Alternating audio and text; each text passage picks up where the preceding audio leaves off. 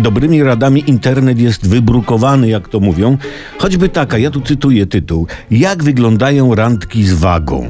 O tym warto wiedzieć. No niewątpliwie tak. I, bo, ale tu jest pewien dysonans semantyczny. Czy chodzi o to, że umówiłeś się na mieście z wagą? E, a cześć Wago, fajne masz szalki, co ci zamówić? Czy też umówiłeś, umówiłeś się z kimś i na randkę bierzesz ze sobą wagę? Raczej chyba prawdopodobnie to drugie, że bierzesz na randkę wagę. E, o czym świadczy podtytuł? Cytuję. Pięć powodów, żeby iść na randkę z wagą. Nie pożałujesz. Koniec cytatu. No na pewno, bo to tak. Pierwszy powód, waga ma szalki, nie? I możesz zważyć się przed randką i po i przeanalizować różnicę.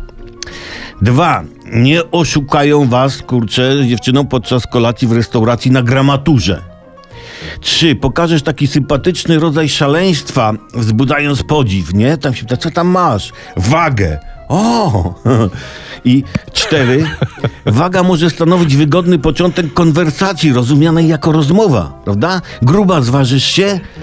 Albo powiedz, co chciałabyś zważyć. Zrobimy to kasztana, ona mleko. No, w końcu piąty powód, lepiej iść na, rankę, na randkę z wagą niż z rybami.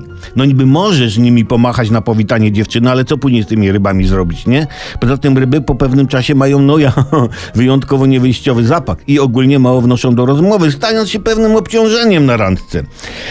Właśnie, dlatego taka rada. Z rad internetowych korzystajmy ostrożnie. Czytajmy te rady, tak, ale decyzje podejmujmy samodzielnie. Bo później pójdziesz na randkę z wagą baranie, to panna wycofa się rakiem i wpadnie w ramiona bliźniąt. No, sytuacja po byku.